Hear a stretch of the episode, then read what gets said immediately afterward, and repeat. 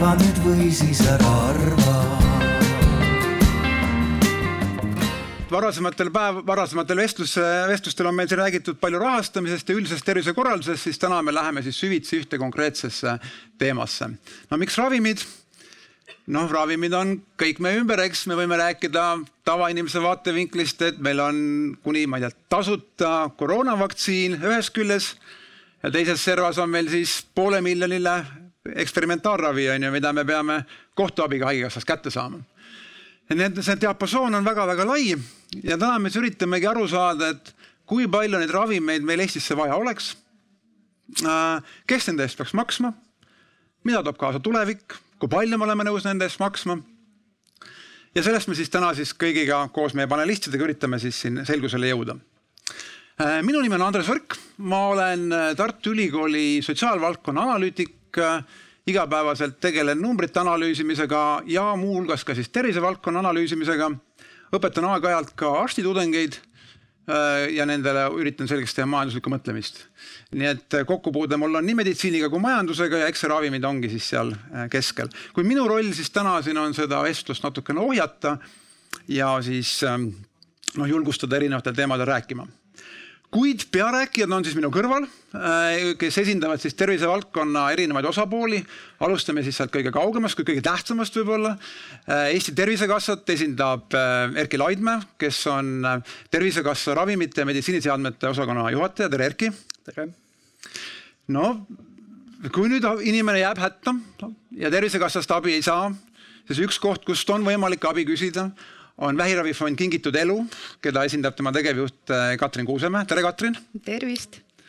no me ei saa ilma ravimiteta, kui me tahame rääkida ravimiturust, nii et ravimite, ravimitootjate ja maaletoojate seisukohta äh, avab meile täna siis äh, firma Roche Eesti OÜ tegevjuht Kadri Mägi-Lehtsi. tere, Kadri. tere nii ja erasektorit, nii tervishoiuasutuste vaatevinklit kui tervisekindlustust esindab meil täna siis Confidost äh, Mihkel Luigas, tere Mihkel. tervist. nii ja kallid äh, pealtvaatajad, kuulajad, äh, ka teil on võimalik siis kaasa lüüa. mulle anti siia ette niisugune mikrofon et kui te soovite küsida, me kindlasti jätame lõppu aega küsimiseks, aga ma arvan ka vahepeal, kui teil on mingisugune faktitäpsustus või soovite midagi küsida, andke käega märku siis olge valmis püüdma seda kasti, mõned on juba väga osavad selles ja siis hästi ligidalt siia esitage oma nimi ja küsimus või kommentaar. nii, on vist kõik korralduslikud asjad räägitud ja saame hakata siis teemaga pihta. nii, ja mul on ettepanek, et me jagame selle arutelu noh, umbes nagu kolme ossa. et alustaks sellest, et ehm, noh, ravimid ei anna meile igavest elu, eks paratamatult nad ainult kas pikendavad meie elu või teevad meie elu mugavamaks kui me maksame selle eest ja ma alustakski sellest, et küsiks, et kui palju me oleme nõus maksma siis selle ühe täiendava eluaasta eest, mis me siis saame nende ravimite, ravimite eest. kui see on meil selge, me teame, palju see meil oleme nõus maksma, siis me küsime, et palju meil neid ravimeid siis vaja oleks ja kes selle meil kinni maksaks, kust me võtame need sajad miljonid. ja kolmandaks tahaks vaadata, mida toob tulevik, kas on helgem või vastupidi, muutub see veel nukramaks nii, aga teeks sissejuhatuseks siis, ma ei tea, Erki, annaksin sõna sulle. haigekassal kakssada miljonit kulutate te aastas eh, soodusravimite peale, sada miljonit veel läbi tervishoiuteenuste, kolmsada miljonit eurot. mis alusel te jagate ja kas te võtate arvesse majanduslikke kriteeriumeid, kui palju te eluaastaid saate selle kolmesaja miljoni eest? jah, mis alusel me jagame, et see on siis küsimus sellest, et kui suur osa kogu tervishoiurahast, mis meil kasutada on, on ju, läheb ravimitele eks seda otsustab laias laastus äh, ju nõukogu, äh, kes paneb paika eelarve annab meile mingisugused piirid ette. aga, aga loomulikult küsitakse eelarve koostamisel ka meie sisendit ja siis me katsume ajalooliste trendide pealt prognoosida, palju meil võiks vaja minna järgnevatel aastatel äh, püüame aru saada, millised ravimifirmade taotlused on meile sisse tulnud kompenseerimiseks. katsume hinnata, missugused neist on tõenäolised, et me, me tahame ära lahendada ja sedasi kujuneb see eelarve. Ja, ja, ja loomulikult äh, on meil seadusega pandud kohustus hinnata selle kõige juures muuhulgas ka majanduslikke argumente.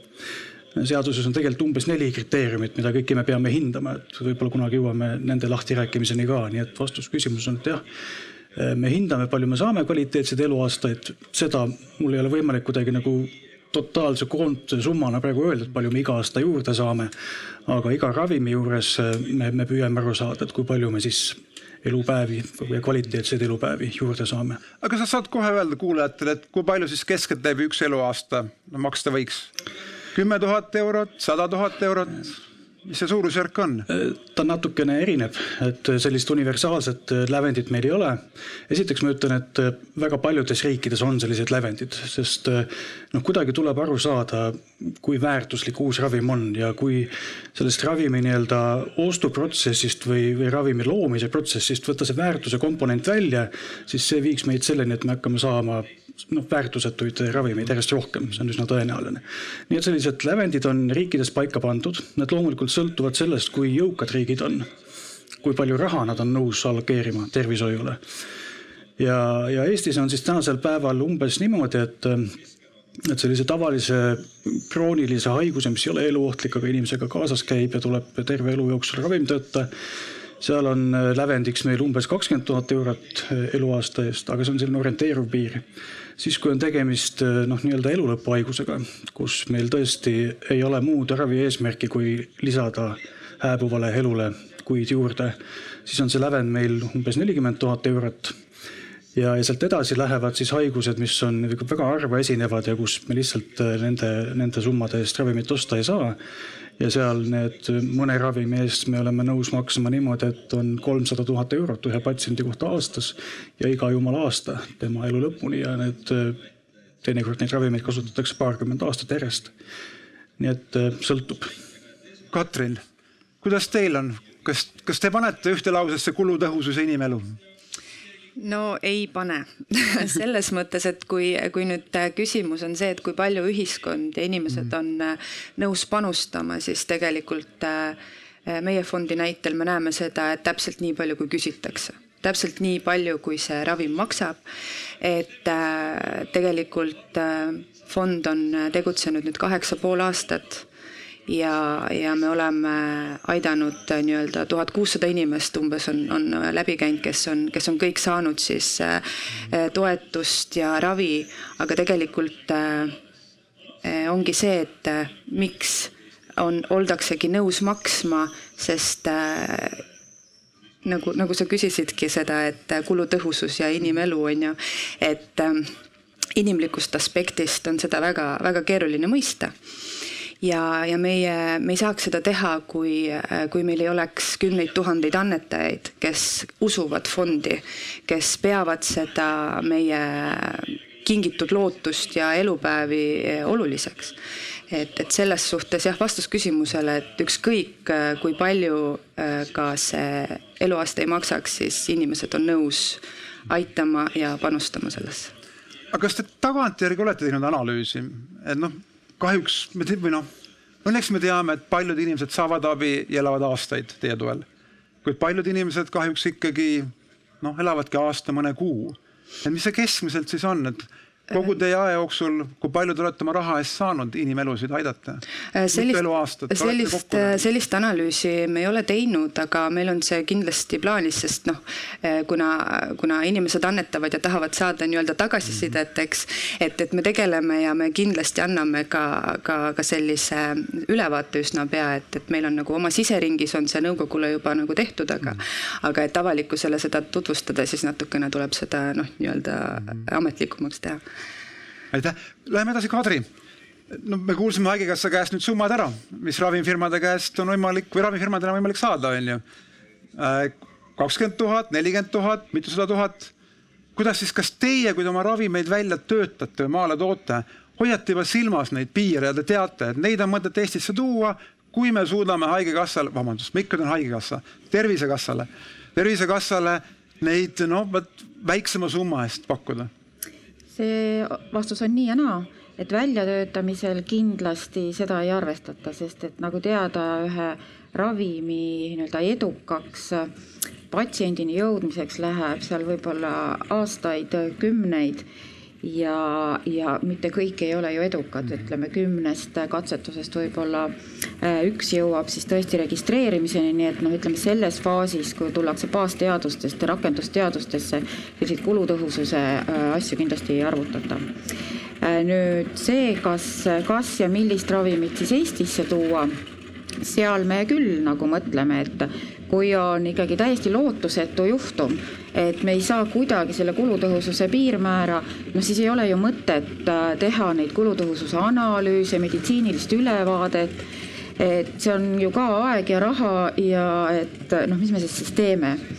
Äh, aga, aga üldiselt viimase aja trendid on ikka nii, et no proovime, et anname ikkagi selle taotluse sisse ja, ja noh, teinekord õnnestub ja, ja noh, ma pean ütlema siin Haigekassa kiituseks, et, et tõesti aastate jooksul on see läbirääkimiste protsess läinud nagu selgemaks ja aga millega me muidugi rahul ei ole, sest meie arust see eluväärtus on natukene kõrgem kui need numbrid. mis see teie arust on siis, palju eestlase eluaasta maksab? meie arust ta võiks olla selline, nagu ta on Leedus, nagu ta on, eriti kui me räägime onkoloogilistest ravimitest mm. -hmm ja, ja seesama, see paindlikkus, mis äh, Erki tõi välja, et võiks arvestada veel enam selliseid ravimi, tähendab haiguse raskusastmeid, et see peaks olema nagu ka vähi puhul ikkagi pisut kõrgem. et kui me võtame aastaid tagasi, siis kunagi oli Eicher-Berlüg, kui meie majandus oli viletsam, siis tegelikult me hindasime elu lõppu Äh, kallimalt. täna, kus me iga aastaga äh, ja olles juba OECD riik, me hindame e, inimese elu lõppu odavamaks ja siin ei ole kindlasti süüdi ei Haigekassa, Tervisekassa, siin me peame kõik üksteisele otsa vaatama. kui me läheme valima, keda me valime, kas poliitikutel on tervis üldse kuskilgi koalitsioonilepingus või äh, kui palju meile tervishoidu raha tuleb, nii et tahaks kedagi nagu süüdistada, aga ma ütleks, et see elu lõpp ja, ja elukvaliteet, et sellel on oma väärtus. aitäh, Mihkel, teie tegelete Confidos, nagu nii võib öelda, siis ikkagi jõukamate, tervemate inimestega ära, ära, noh, olete ise vist öelnud seda, et teie kliendid ei ole mitte Daciad, vaid on Volkswagenid ja BMW-d. ei, kindlasti, kindlasti mitte. Et, et, et kas teie portfelli mahuvad ka ravimid, mis on mõeldud elu lõpuossa? ütleme, et meie ise Confidos ter terviselahendusega, mida me pakume, oleme keskendunud tegelikult üldse ettevõtetele. Ja võimaldame ettevõtetel siis äh, läbi Äh, kindlustuse ostmise, pakkuda kindlustunnet oma töötajatele mm. -hmm. et äh, nii-öelda eraisikutele me ei lähene, sest et see on hoopis teistsugune turg, aga ka see eraisiku kindlustus kui ka see, see meie poolt pakutud siis läbi tööta-, tööandja oma on tegelikult Eestis veel lapsekingades. ja kui ma rääg-, kuulan siin, et kümme tuhat, kakskümmend tuhat, võiks olla viiskümmend tuhat, siis kindlasti sihukest äh, turugruppi meie ei esinda. meie pakume lihtsamad asjad, mis on nagu, et pigem sinna ennetuse poole, et vaktsiinid on kaetud, ravi on kaetud jah, seal kuni mingi viieteist tuhande ulatuses mingites pakettides, aga ravimid kui sellised eraldi on noh, süsteem on hästi lihtne, kui arst kirjutab ravimi välja, mis on Euroopa Liidus heaks kiidetud, siis kindlustus selle katab see ongi kõik, seal mingit, mingit muud hullu algoritmi taga ei ole. aga lihtsalt need piirmäärad on väga väiksed, need jäävad sinna viiesaja euro juurde aastas. aga sellest ka see, et makse on kaksteist eurot äh, kuus nagu, et noh kui ollakse nõus seda makset kasvatama, siis ollakse ka nõus seda kulumäära kasvatama. aga kuna Eestis süsteem on selline tegelikult, et seda otseselt ei ole olnud siiamaani põhjust teha, siis ei ole ka seda tehtud. kas see ajas hakkab muutuma? kindlasti hakkab tegelikult, aga hetkel veel nagu esimese kahe aasta tulevikus ma seda ei näe, et see hakkab, aga meie suureks piiriks lihtsalt on tööandja kaudu investeerides see nelisada eurot sa ei saa panna seda suuremat kui nelisada, kui sa paned selle kaheksasada, siis tööandjale see on ju erisoodustused, asjad juurde, kohe tegelikkuses tuhat ükssada. et eh, need on need probleemid nagu, mis meil on, et sihukest aidata nii-öelda rahastada, sest tegelikult on seesama pott ju, isegi kui me võtame madalamad rahastusastmed erakindlustuse kanda, siis tegelikult see raha, mis vabaneb, seda saaks kasutada ju kallimate ravimite jaoks. aga jällegi noh, seal on sihuke nokk kinni, saba lahti olukord, et tegelikult lõpuks on seesama raha ju, kas tööandja teeb selle läbi erakindlustuse või siis maksaks nagu rohkem erinevaid makse. Mm aitäh, nii et me siis saime oma sissejuhatava plokiga teada, et inimese elu hind on kuni sellest, et ta on mõõtmatu väärtusega, jah, kuni sinnamaani, et niisuguste krooniliste haiguste puhul on ta kuskil kakskümmend tuhat eurot eluaasta, jah, kolm. Nii pealtvaatajate seas, kas teil on mingisuguseid oma hinnanguid, kui palju teie eluaasta maksab? kas kahekümne tuhandega olete nõus loovutama oma eluaasta või juurde maksma, et saada ühte?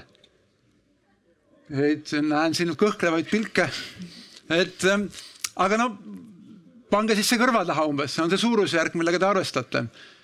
et kui te oma teise samba pensioni, pensionisamba sõlmite näiteks või kogute kolmandaks sambaks, et kui palju te peate koguma siis, et eluaastaid pikendada. nii, aga läheme nüüd siis meie põhiteema juurde, ma arvan, ja põhiteemaks oleks siis see, et palju meil neid ravimeid Eestis praegu on, palju neid no, peaks olema kui palju Haigekassa peaks kinni maksma või mis roll on erinevatel turu osapooltel. no ma üritan tuua mingid suurusjärgud, et kui vaadata Ravimiameti kodulehte, siis sealt tuleb vastu, et meil on üle seitsme tuhande registreeritud ravimi. Neist Eestis on turul kättesaadavad suurusjärgus pooled, eks. ja seal kuskil tuhat kaheksasada on need, millel on Haigekassa soodustus. ja küsimus ongi, et miks siis meil ei ole pooli ravimeid, mis on registreeritud turul no siin ma alustan ikka kõigepealt ravimitootjate ja maaletoojate otsa vaatamisega, et miks see olukord nii on, Kadri? miks meil ei ole neid? no eks siin vastuseid võib olla ka mitmeid, võib-olla meil ei ole neid kõiki vaja. Äh, võib-olla meil ei ole mõnd-, mõnda tüüpi haigeid aga kindlasti suur põhjus on ikkagi see, et kui ta ei ole rahastatud ja kui ei ole äh, maksumaks, maksuvõimelist patsienti, siis no mis ta siin laos seisab ja hapuks läheb, et et, et see, need on kõik omavahel seotud. kui me võtame selle suurusjärgu, et meil umbes kolme tuhandet ravimit ei ole turul, kui palju oleks neid, mida meil nagu oleks vaja, meil on olemas haigused ja noh, me saaksime neid ravida aga noh, millegipärast nad on liiga kallid. palju neid võiks olla? mina ütleks, et kui on üks patsient, kes vajab ühte konkreetset ravimit, mis teda aitab, siis see ongi juba see piirmäär. Et äh, lihtsalt numbritega opereerides noh, me võib-olla saame väga siukse uduse pildi, et et vaja on ikka seda, mida on vaja, et kui on patsient, siis tema peaks seda abi saama nii et meil võiks need kõik seitse tuhat olemas olla? no nad ei pea ju olema siin kohapeal, et mhm. selles mõttes, et Euroopa on ju niivõrd väike, et kui see vajadus on, küll ta siis kohale tuuakse. Äh, küsimus on selles, et kes selle eest maksab.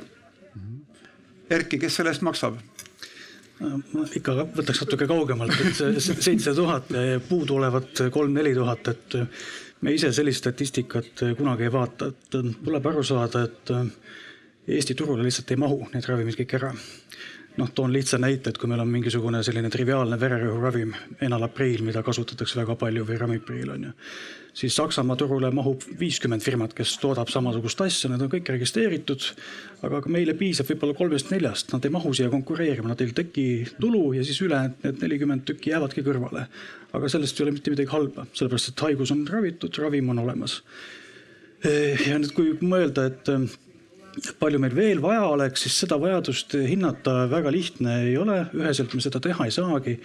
Võib-olla mingi indikatsiooni annab see, kui ma ütlen, et meil on igas ajahetkes on, on pidevalt läbirääkimiste faasis nii-öelda paar-kolmkümmend ravimit mm. -hmm mis suure tõenäosusega, ma olen vaadanud, et umbes kaheksakümne protsendise tõenäosusega saavad ka kunagi kompenseeritud. lihtsalt see protsess võtab aega mm. -hmm. Katrin, kas need ravimid, mis teilt läbi käivad, kas need noh, teie rahastate sellepärast, et need ei ole haigekassa soodustusega või neid pole nagu muidu üldse Eestile turule toodud, et te nagu siis toote nad turule või, või mis on need ravimid, mis on teie portfellis nii-öelda, mida te no, inimestele pakute? Äh, meie kriteeriumid on ju, on ju lihtsad, et äh, esiteks ravim peab olema tõenduspõhine, ta peab olema sellele patsiendile näidustatud ja, ja haigekassa seda ravimit ei rahasta ja, ja loomulikult ka see, et meil on olemas siis äh, annetused, meil on olemas raha selle, selle ravimi toetamiseks. Et ähm, on ka, on ka olnud selliseid ravimeid, äh, mis, mis tõepoolest vajavadki kuskilt Euroopast toomist aga, aga see noh, nagu Kadri ka ütles, et see ei ole tegelikult äh, mingisugune takistus, et Euroopa on tõesti väike ja, ja, ja haiglad ja haiglaapteegid saavad selle tellimisega väga edukalt hakkama.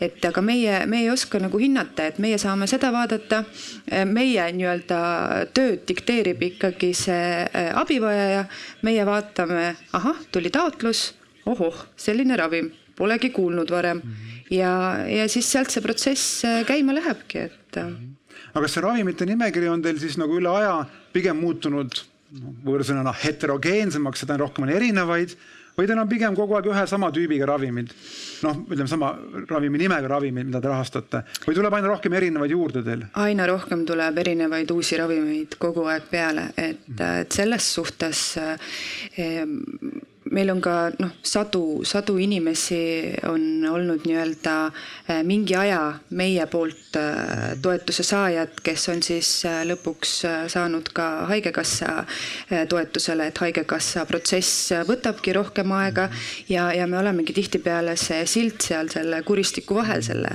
vähi, vähihaige jaoks, et, et vähihaigel ei ole kahjuks nii kaua aega oodata seda, seda protsessi taluda, et, et aga, aga jaa, kuid kahjuks on siiski niimoodi, et äh, ikkagi rohkem tuleb ravimeid uusi peale, kui neid jõuab äh, Haigekassa nimekirja mm. -hmm.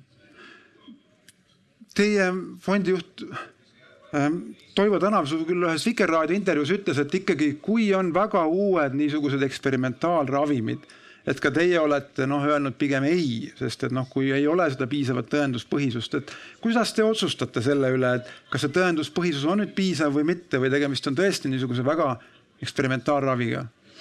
Äh, meil on nõukogu, kes, kes koosneb siis äh, onkoloogidest, et, et nemad teevad selle, selle otsuse. -hmm. et äh, tihtipeale tõesti need eksperimentaalravimid jäävad nii-öelda toetamata, aga, aga tegelikult järjest rohkem on ka, on ka meie arstid ikkagi -hmm. ikkagi läinud seda teed, et me oleme toetanud ka, ka sellist ravi. Mihkel, kas sa näed, et kas erakindlustus oleks võimeline täitma mingisugust tühimikku siin nendes ravimite osas, mida praegu meil turul ei ole, kuid vajadus oleks. kas te suudaksite paremini läbi rääkida ravimifirmadega, Kadriga siin kõrval, kui suudab Erki rääkida läbi? ma ei usu, et see nii-öelda eraravikindlustuse koht veel siia nagu Eesti kontekstis sobib. et äh, ma tean, et see aasta tulid esimest korda turule siuksed kindlustused nagu on vähiravikindlustus eraldi, mis, äh, kui minuvanune inimene läheb seda tegema, ma maksan selle eest kümme eurot kuus. ei tundu tegelikult palju, mul on kate mingi kaheksakümmend tuhat seal. kui juhtub, et saad siis diagnoosi, pool sellest saad nagu sularahas kohe, ise tead, mis teed sellega ja siis ülejäänud pool läheb ra nagu ravikatteks, aga noh see ei ole mingi saladus, et inimesed naljalt ei tee seda kindlustust endale. ikkagist selle peale mõeldakse alles siis, kui on diagnoos käes ja siis, siis enam kindlustusest ei ole abi. et kindlustus ikkagist on see meede, et sa teed selle ära ja siis, kui juhtub ja noh, see, see ei saagi nii toimuda, et me saame kohe selle kulupõhja siin tagasi, et ka kindlustus tegelikult on ju tegelikult ettevõtlus ja meil peab olema suur baas seal all, et oleks võimalus rahastada seda kümmet või viiteist juhtumit, kes seda viitekümmet tuhandet vajavad.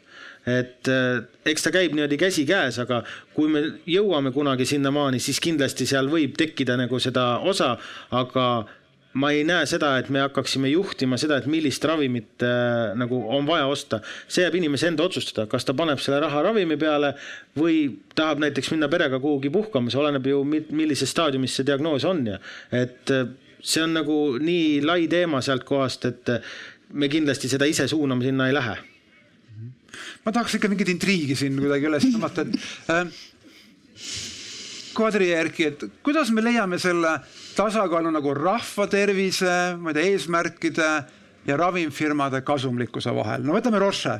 Roche on maailma üks suurimaid ravimfirmasid. Äh, Šveitsis registreeritud eelmise, üle-eelmise aasta kasum kakskümmend kaks miljardit, eks, pole paha. Roche Eesti OÜ on Äripäeva edetabelites üks kõrgemaid keskmise palga maksjaid kogu aeg.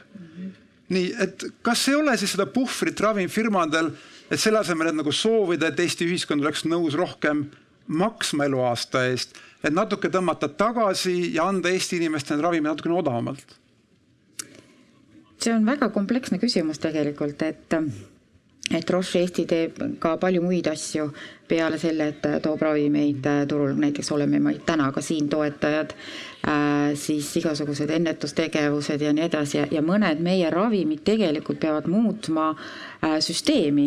Ja täna me Haigekassaga otsimegi näiteks lahendust, et on uued onkoloogilised ravimid, mis ei ole paikmepõhised, ehk siis nad ei ole organpõhised, vaid nad on vähi, äh, vähipõhised, vähigenoomikapõhised kuidas selliseid asju üldse hakata rahastama? me ei saa never ever sellest mingisugust kasu, sest kui ma panen kõik need töötunnid ja ajad ja mitu inimest mul sellega tegeleb ja Eestis meil on lõpuks võib-olla kolm haiget et äh, me ei räägi sellel puhul äh, kasumlikkusest, vaid me räägime keskkonna muutmisest, tuleviku muutmisest Äh, nüüd teine asi on see, et, et see, et me siin üldse oleme, see on, ma arvan, see on kogu ühiskonnale kasulik, mitte ainult tervishoiule, vaid me ju maksame ka usinasti makse, meie OÜ-d ja nii edasi. ja kui vaadata viimaste aastate trendi suurtel ravimifirmadel, siis väga kurb on märkida, et mitmed ravimifirmad on lahkunud Eestist. Glaxo, Sanofi, need ei ole enam saladused, äh, Elli, Lilli, et suured globaalsed ettevõtted äh, panevad siin uksed kinni loomulikult need ravimid ei kao ära, nad tulevad läbi hulgimüüjate, aga kogu see muu tegevus, arendustegevus, olla tervishoius partner, kaasamõtleja, see ressurss ju läheb ära. lisaks ikkagi, nagu te mainisite, oleme me Eestis äh, head maksumaksjad, head palgasaajad, aga meil on inimesed ka kõik vähemalt ühe kõrgharidusega, äh, kui mitte kahe või, või kolmega, nii et ja, ja mida me ju teeme ja mida Erki ka väga hästi teab, mitte ainult Roche, et kõik suured suured või tähendab, kõik uued ravimid, nad tulevad erinevate konfidentsiaalsete hinnalepingutega et Eesti saab ravimid odavamalt kui Saksa, Prantsusmaa, kõik suured ja, ja rikkamad Euroopa riigid.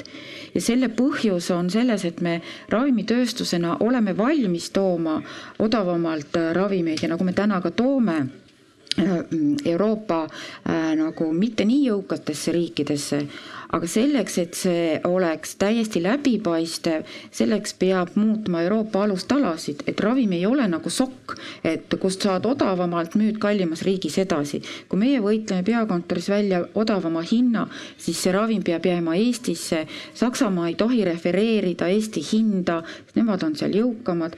nii et see on väga kompleksne küsimus tegelikult ja siin tuleb jällegi otsa vaadata osaliselt nii ametnikele kui poliitikutele, et ravimid peaks olema olema väljas vaba, kaupade vabast liikumisest, et, et vähem ostujõulised riigid saaksid ravimeid odavamalt aga ütlen veel kord, et ega Eesti jaoks me oleme ikkagi noh, andke andeks mu võib-olla kohatut ütlemist, aga me oleme ikkagi raamatupidamislik viga äh, Euroopa mõistes, et see üks koma kolm miljonit, et meie järgi maailma ei ehitatud. et päike käib ikka noh, on paigal, maakera käib ümber päikese, mitte vastupidi Erki, mis tunne on Tervisekassa raamatupidamislik viga, et äh, kas, kuidas te läbi räägite ravimifirmadega, et seda tasakaalu leida? soovist intriigi on ju, ma pean ütlema, et ma võin väga kirglik sellel teemal olla, aga see on, see on hästi raske, ilm on ju ilus ja inimesed on rõõmsad ja kolleegid on meeldivad, aga aga, aga tegelikult äh, on minu hinnangul ja paljude teiste mu kolleegide hinnangul üks peamisi põhjuseid, miks uued ravimid ei ole nii kättesaadavad, on see, et nende hind on vale ja see ei ole mitte Eesti mure või Balti riikide mure, vaid see on väga laialt maailmas ja Lääne-Euroopas juba arutelu, arutamisel erinevates foorumites, et eh, retoorika kohaselt on jah, nende väljatöötamine on seotud väga suurte kuludega. aga, aga mitte keegi tootjatest ei ole nõus avaldama, mis need kulud täpselt on. ehkki need kulud on teada iga jumala arendusprojekti kohta igas normaalses ettevõttes. ja nendest ei räägita ja, ja siis on püütud hinnata neid kaudselt ja leitud, et need kulud on kindlasti oluliselt väiksem kui see, mida meile öeldakse. ehk et minu hinnangul, nagu sa väga õigesti ütlesid, seal on ruumi ja seda ruumi me läbirääkimistel eh, otsimegi. et oleks eh, väga vastutustundetu, kui me võtame selle piiratud hunniku maksumaksja raha ja, ja lihtsalt hakkame ravimeid ostma selle esimese hinnaga, mida meile pakutakse. niimoodi me tegelikult ei tee ju ka oma isiklikus elus suuri oste, me ikka vaatame ja mõtleme ja kaalume mm -hmm. neid asju ja täpselt samamoodi minu meelest tuleks suhtuda ka maksumaksja rahaga ümberkäimisesse. et me võime unistada sellest, et meil võiks olla ravimid sama kättesaadavad kui Soomes või Saksamaal aga, aga siin ikkagi sõltub ju kõik meie võimalustest ja kui ühiskond on nõus panustama kaks korda vähem kui Soome või kolm korda vähem kui Saksamaa, siis meil ei saa olla samasugust valikut. nii lihtne see ongi meie hinnangul. ja läbirääkimisi võtame alati tõsiselt ja me oleme püüdnud ka analüüsida, et, et mis see siis meile tulu toob ja noh, laias laastus võib öelda, et kolmandiku me saame keskeltläbi alla. on olnud ravimeid, kus saab väga-väga palju alla praktiliselt tasuta millegagi kaasa, aga aga on ka selliseid, kus ei saa alla kaubelda ja siis oleme sunnitud ära ostma, aga aga me hindame, et see on vajalik tegevus, sellepärast et see jätab rohkem raha järgmistele ravimitele mm. -hmm Katrin, kas teie ka läbi räägite ravimifirmadega, kui teie lähete, noh ju samamoodi nende käest ostma seda ravimit? kas teil on mingid puhvrid, tohid sa rääkida sellest? eks ma ikka tohin rääkida selles mõttes, et loomulikult äh, me, me küsime soodustust, aga me väga harva saame seda et, et noh, ma, ma, ma jah, tõesti, ma ka ei tohi rääkida nendest summadest ega, ega midagi sellist, on ju, et on ka Haigekassa poolt ju tulnud meile, et noh, aga teie saate ju hoopis odavamalt, on ju, et, et noh, ei oskagi, et, et ühest küljest kui rääkida nüüd seda, et kes võib võib-olla hõlpsamini kellega läbi rääkida, siis tegelikult võiks olla, eh, meie saame nii-öelda ravimifirmadega survestada Haigekassat, et nad oleksid paindlikumad ja, ja koos Haigekassaga natukene mõjutada võib-olla ravimitootjaid, et saada seda hinda alla, et selles mõttes me oleme siuksed, äh, kellega, kellega võiks nagu, nagu, nagu sellist äh, asja arutada, aga aga rääkides siin, siin äh, sellest, et, et, et kes, kes peaks maksma ja kui palju, siis, siis tegelikult äh, võiks olla võib-olla selline süsteem, kus siis äh, patsient, äh, ravimitootja, haigekassa jagavad seda nii-öelda seda, seda, seda vastutust ja, ja, ja seda maandavad seda riski. et, tegelikult on ju ka, on ju ka selliselt, et kui sa ostad poest mingi asja, mis ei tööta, viid tagasi, saad raha tagasi. et äkki tasub mõelda ka selle peale, et kui ravim ei toimi, siis, siis, siis nii on.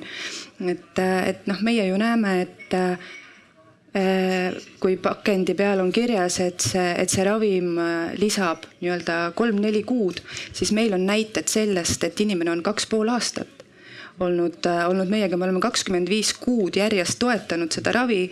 inimene on elanud täisväärtuslikku elu, ta on käinud äh, tööl, maksnud makse, et noh, siin me ei saa rääkida, et ta ei ole kulutõhus. ehk et see kulutõhususe äh, termin kui selline on, on hästi ähmane, sest indiviidipõhiselt see on ju täiesti individuaalne. me oleme toetanud ka väga-väga kalleid ravimeid, mis ei ole toiminud et, et siin äh, meie õnn on see, et, äh, et meie saamegi personaalselt läheneda, individuaalselt läheneda ja kahjuks ei saa Haigekassa oma Exceli tabelisse panna rida lootus, aga meie saame seda teha. Erki, soovid kommenteerida? ja no tegelikult niimoodi ju täpselt ongi, nagu sa ütlesid, et, et seda jagatakse, neid kulusid, neid riske veel kord, tootjal on mingi letihind, noh, läbirääkimiste tulemusena ta on nõus sealt alla tulema tihti. Äh, paljudel ravimitel on omaosalus, patsient maksab selle kinni ja siis midagi jääb haigekassale. et, et, et sellised asjad juba töötavad ja seal on veel peenemad mehhanismid, võib-olla me jõuame sinna nagu riski jagamised, mida siin ka lühidalt mainiti. nii et, et kõik need asjad on, on ammu töös äh, ja, ja see on muidugi õigus, et, et me lootust osta ei saa, et seda meil õigusakt ei luba ja, ja me peame vaatama, mida me selle eest nii-öelda käega katsutavamat saame, et, et see on fondi suur eelis, et ta saab anda inimesele ka lootust. Kadri. ja ma tahtsin siia veel lisaks kommenteerida, et, et tõesti näiteks fondile, et paljud ettevõtted ja ravimiettevõtted ei saagi anda erinevat hinda, sest kui on tegemist näiteks unikaalse ravimiga, mis ei ole asendatav ja sa oled äh, turuvõtmes, oled sa monopoolses seisundis, siis Eestis sa oled vangi selle eest, kui sa annad kellelegi odavamalt. et see, sa pead kõikidele pakkujatele panema ühesuguse hinna ja, ja muidu konkurentsiseaduse järgi sa lihtsalt, kui sa oled monopoolses seisundis, siis sa rikud äh, seadust. teine asi on see, et näiteks kui tahaks anda nii-öelda kinkida, anda ilma rahata, siis Eesti maksusüsteem karistab äh, ettevõtet sellega, et siis sa maksad täies ulatuses erisoodustusmaksu ja, et, ja lisaks ütleme, võtame käibemaks, mis on ju ka osa tervishoiust ja käibemaks ravimitele oli viis protsenti, kriisi ajal tõsteti äh, see üheksale kui ajutine meede, see aasta oli kaks tuhat üheksa. Äh, kui me oleme ravimitootjatega ja ka Haigekassa on olnud osaline, käinud Maksuametis, Rahandusministeeriumi juures, et see kriis kaks tuhat üheksa meil ammu läbi, et äkki nagu vaataks üle. Äh, siis öeldi, et ei saa, täna ma kuulen ühelt, teiselt, kolmandalt poliitikalt, poliitikud, kes kõik tahavad käibemaksu liigutada. nii et tegelikult jällegi on paljud asjad, et noh, me vaatame seda nagu, nagu liiga lihtsalt, aga peaks komplekssemalt vaatama, et, et kallimate ravimite puhul erisoodustusmaks ja ka käibemaks on ikkagi väga suured summad lisaks näiteks sellele, et kogu tervishoid, tervishoiuteenus ei ole ju käibemaksuga maksustatav, mis tähendab seda, et tervishoius ostetavad kaubad ja tervishoiuteenuse osutajad ei saa seda käibemaksu tagasi. Väga väikses ulatuses. jällegi, tervishoidu läheb raha sisse ja sealt läheb ka raha välja, et siin on vaja väga olulisi tervishoiupoliitilisi korraldusi, mis siis lõpuks aitavad patsienti ja aitavad ka neid kallima otsa ravimeid tuua Eestisse siin oli juba juttu, et noh, et erinevad osapooled peaks maksma erinevalt ja noh, kõik panustama. lihtsalt, et noh, anda see suurusjärk, et kui meil Haigekassa kaudu liigub kuskil kolmsada miljonit ravimitesse, siis inimesed praegu leibkonnad oma taskust maksavad kuskil noh, suurusjärgus sada nelikümmend miljonit ja enam-vähem pooled on siis retseptiravimite omaosalus ja ülejäänud pool on kõik see, mida me siis ostame muidu apteegist, peavalu ja paratsetamool ja kõik muu niisugune onju. et ma korra mõtlesin, et kas, kas erakindlustus võiks olla selline tulevikus, mis seda patsientide omaosalust rohkem aitab kindlustada. kas seal olete te mõelnud selle peale, et noh, et kui ma lähen oma peavalutabletti ostma, on ju, haigekassa ta mul kinni ei maksa, aga vaat ma esitan arve erakindlustusele kõigepealt mul on ükskordki olla hea selles positsioonis, kus ma saan öelda, et kogu Eesti ravikindlustus maksab peale praegu. et eelmise aasta statistika on, et kõik raha, mis tuli kindlustusse saja kolmekümne protsendi ulatuses maksti tagasi. et võtame siis rikastelt Euroopa suurtelt pankadelt ja anname eestlastele. et need, kes selle Eestis kunagi selle mudeliga tulid, ravikindlustuses võiks mingi Eesti uhkuse tiitli ikka saada. et ainuüksi Confidona me oleme peale maksnud üks koma kaheksa miljonit et äh, hea tunne, äh, sest et see ei ole päris enda raha, see on kindlustusseltside raha. aga see ei ole jätkusuutlik, see on väga selgelt arusaadav, et äh, keegi sihukest miinust nagu ära ei söö. aga kui me vaatame nüüd nagu selle ravimi poolt, siis ma võin öelda, et viissada kakskümmend kuus inimest eelmise aasta jooksul kes on oma makse teinud, on saanud vähemalt kümme korda rohkem tagasi ja ülejäänutest meil oli kokku mingi kaheksasada pluss natuke, kes võtsid ravimi lisakindlustuse. ülejäänud siis on jäänud nii-öelda plussi poolele äh, kindlustuse vaates. aga selge suund on olnud see, et käsimüügiravimeid tegelikult ei hüvitata, sest et kõigepealt on asi selles, et mitte ainult selleks, et need kulud on tegelikult väiksemad, peavalurohud ei maksa palju, tegelikult neli eurot, viis eurot pakk, aga see administratiivkulud, mis kaasneb selle hüvituse väljamaksega, see, et inimene teeb tšeki, laeb selle kuhugi üles, seal on taga inimesed, kes valideerivad, kannavad üle need kulud on suuremad kui ravimihind, mis tähendab, et see on täiesti nagu ebaotstarbekas sellist asja teha. see eeldaks tohutuid äh, mingeid IT-integratsioone, et näiteks apteegikassad on ühendatud kindlustussüsteemiga ja automaatselt see asi toimiks. aga jällegi noh, Eesti turule sihukest arendust teha võib-olla viisteist aastat on see tasuvus, kakskümmend aastat ja noh, jällegi ravimitelt siis tahaks ka kindlustusselts mingit allahindlust saada. ravimitelt allahindlusi teha niimoodi ei ole võimalik et seal on nagu siuksed erinevad tahud.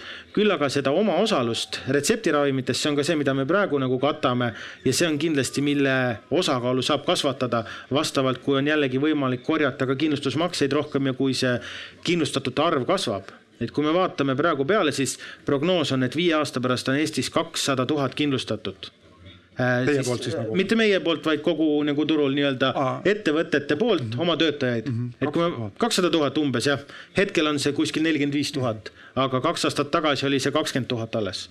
et see on väga kasvav trend ja kui see maht kasvab, siis vastavalt mahule ja vastavalt vajadustele saab seda toodet ümber disainida, et saaksid abi need inimesed, kes seda vajavad.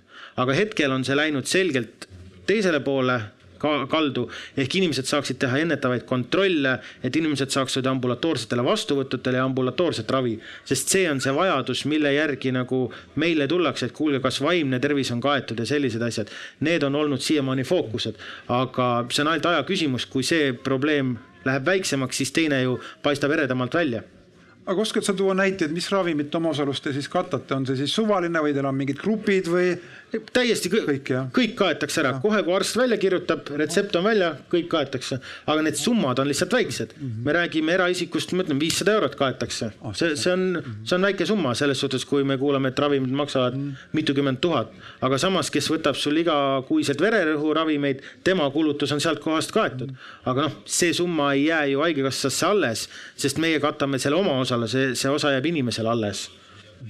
-hmm no aga kui suur siis see pirukas peaks meil olema, et me oleksime kõik rõõmsad, et oleks rõõmus äh, Roche Eesti, oleks rõõmus Haigekassa, ei oleks meil vaja kingitud elu, kui nii võib öelda.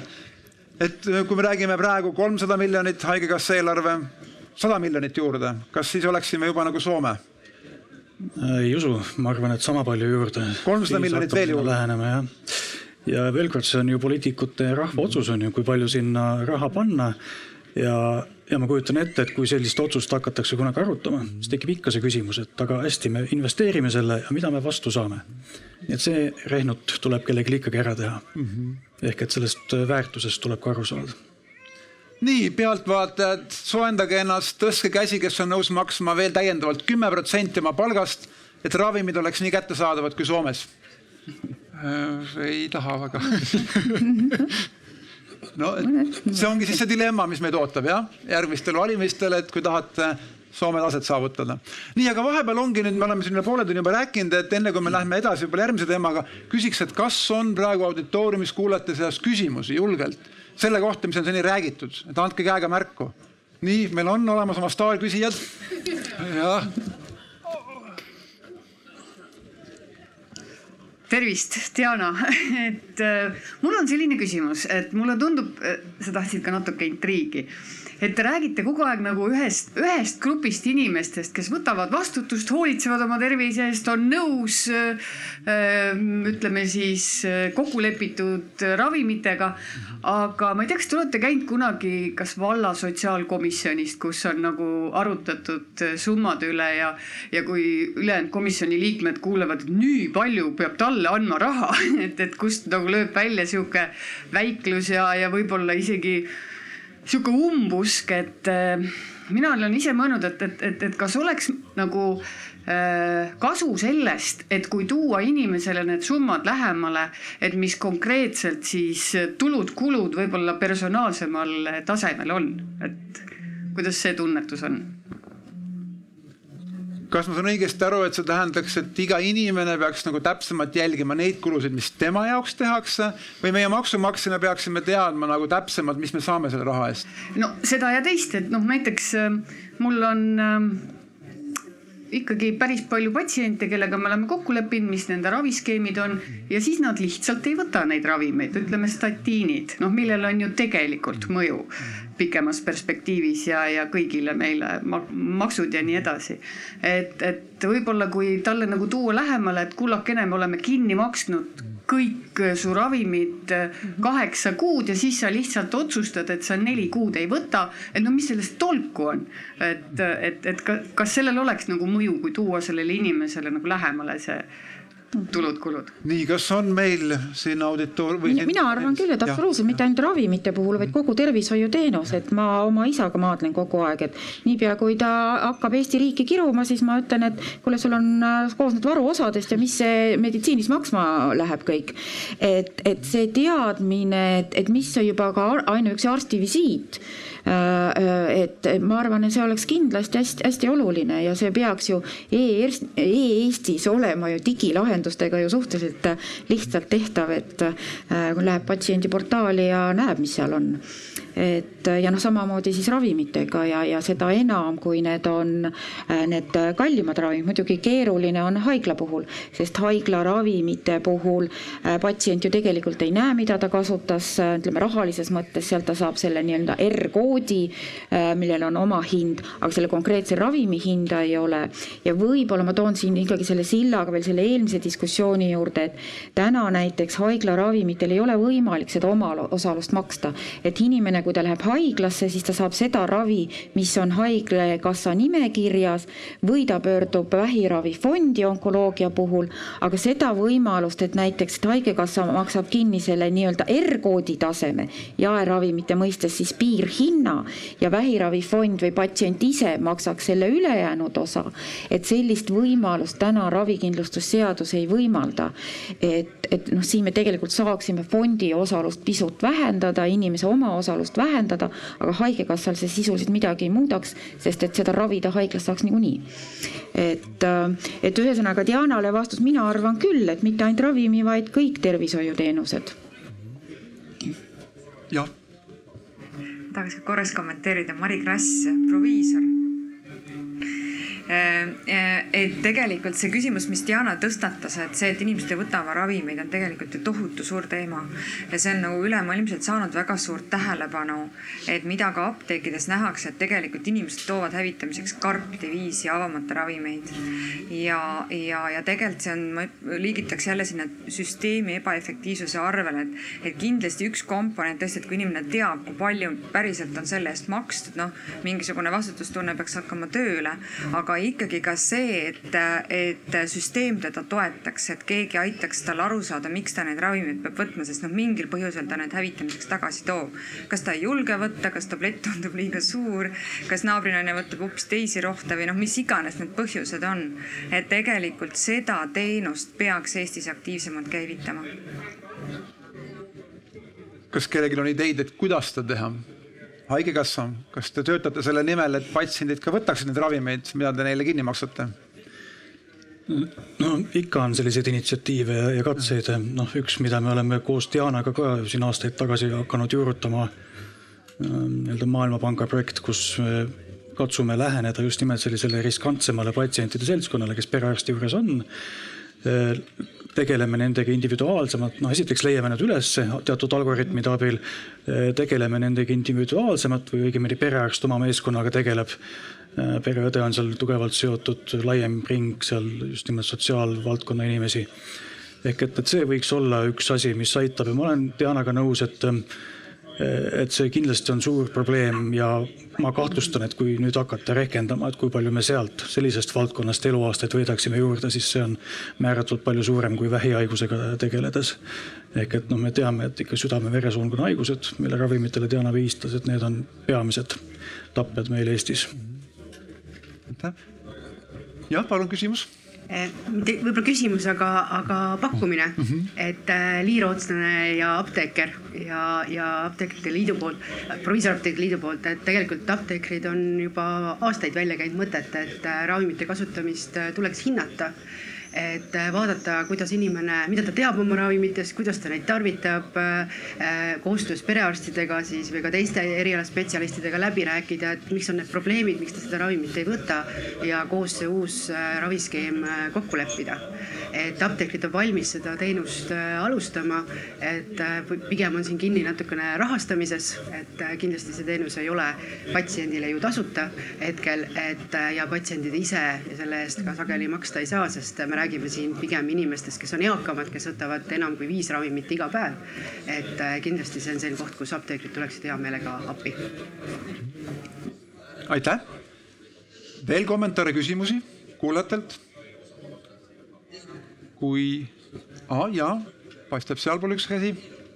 ja Magnus Piirits, äh, küsimus sellest, et äh, mul jäi tunne, et teatud mõttes nagu vähiravifond on selline katsepolügoon et äh, saab nagu uusi ravime testida, mida ei ole haigekassa nimekirjas veel või nii kiiresti ei jõua.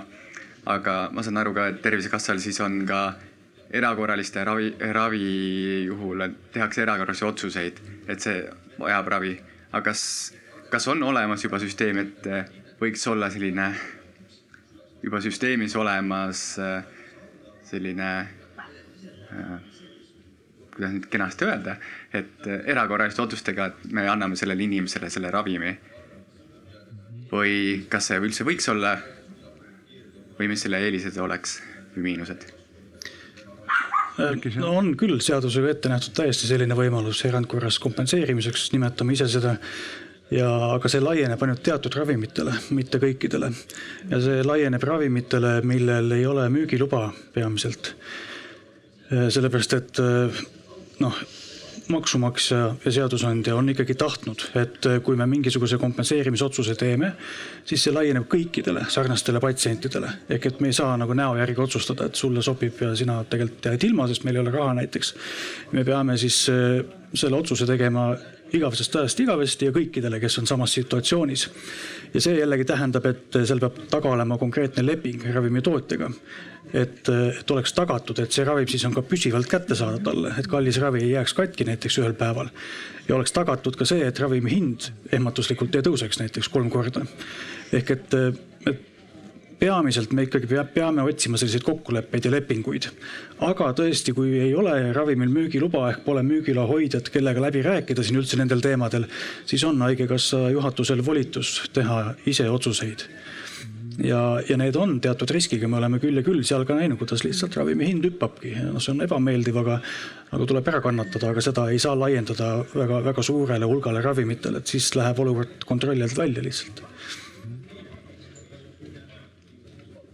Nii, hetkel rohkem käsi ei näe, aga tuleme tagasi siia meie paneeli ja räägime siis sellest, mis tulevik toob eh, Kadri, järsku valgustad, mis on, Roche on maailma kõige suurim vist firma, kes ravimite valdkonnas, kes tegeleb teaduse innovatsiooniga. mis teil on sealt tulemas ja kuhu see ravimite maailm liigub ja mis see tähendab meie rahastajate jaoks? Äh, ravimite maailm liigub ravimitest võib-olla eemale või lisaks ravimitele on ülioluline, on diagnostika ja andmed, andmed, andmed.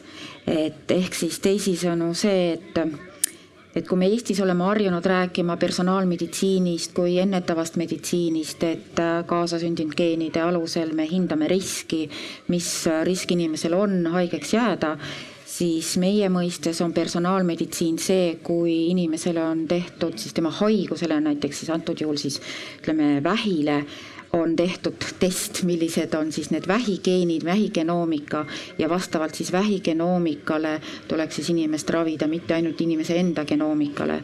aga see tõesti eeldab seda siis täppisdiagnoosi, täppisravi ja andmeid et äh, neid inimesi, inimesi, kellel on need siis nii-öelda erisuguste äh, erisuguse genoomikaga äh, vähki, neid on vähem.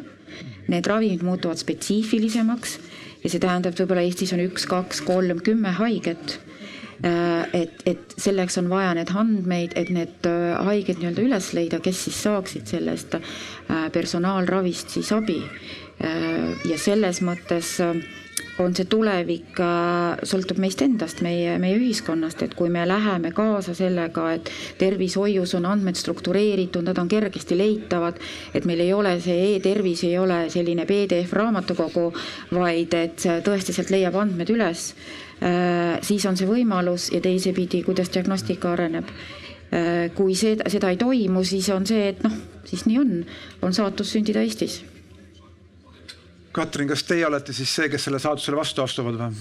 no ilmselt, äh, ilmselt küll, et, äh, et kui me vaatame tulevikku, siis äh, tulevad uued ravimid, meie jaoks tähendab see seda, et me maksame järjest suuremaid raviarveid et aga, aga kui rääkida, et fondi tulevikust, siis meie sõltume ainult meie annetajatest nii kaua, kuni, kuni inimesed peavad meie tööd vajalikuks.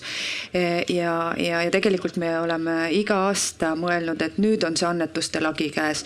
no nüüd on annetuste lagi käes, aga, aga tegelikult me oleme nüüd kaheksa poole aasta jooksul kokku kogunud seitseteist miljonit eurot Äh, aidanud tuhat kuussada inimest ja, ja sealjuures ei ole mitte keegi jäänud äh, meie sihtgrupi inimestest äh, vajaliku abita ja, ja meie tulevik äh, on ikkagi jätkuvalt see, et me täidame selle tühimiku, mis siis äh, Haigekassa poolt äh, ja riigi poolt täitmata jääb, et meie töö jätkub sellises laulupeo meeleolus, läheme vastu uuele, uuele hooajale nii-öelda ja kutsume kõiki inimesi ikkagi meid toetama ja, ja, ja vähiravihaigeid nende, nende hädas aitama Erki, mis see teie jaoks kaasa toob, kui noh, Kadri mainis, et diagnostika läheb nii peeneks, et lõpuks iga inimene saab oma ravi.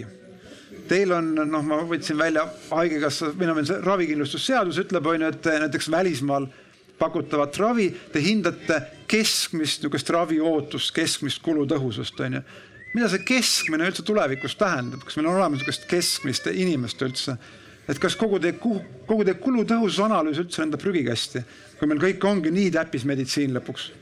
ei, ei usu, ei lenda ta kuskile prügikasti, mina ei näe väga suuri muutuseid selles, ei taju, et kuskil riikides ka toimuksid mingid tektoonilised muutused, kuidas neid ravimeid kompenseeritakse laias laastus jäävad ikka küsimused üles, palju, palju ta maksab, mis tast kasu on ja kas need asjad on omavahel tasakaalus.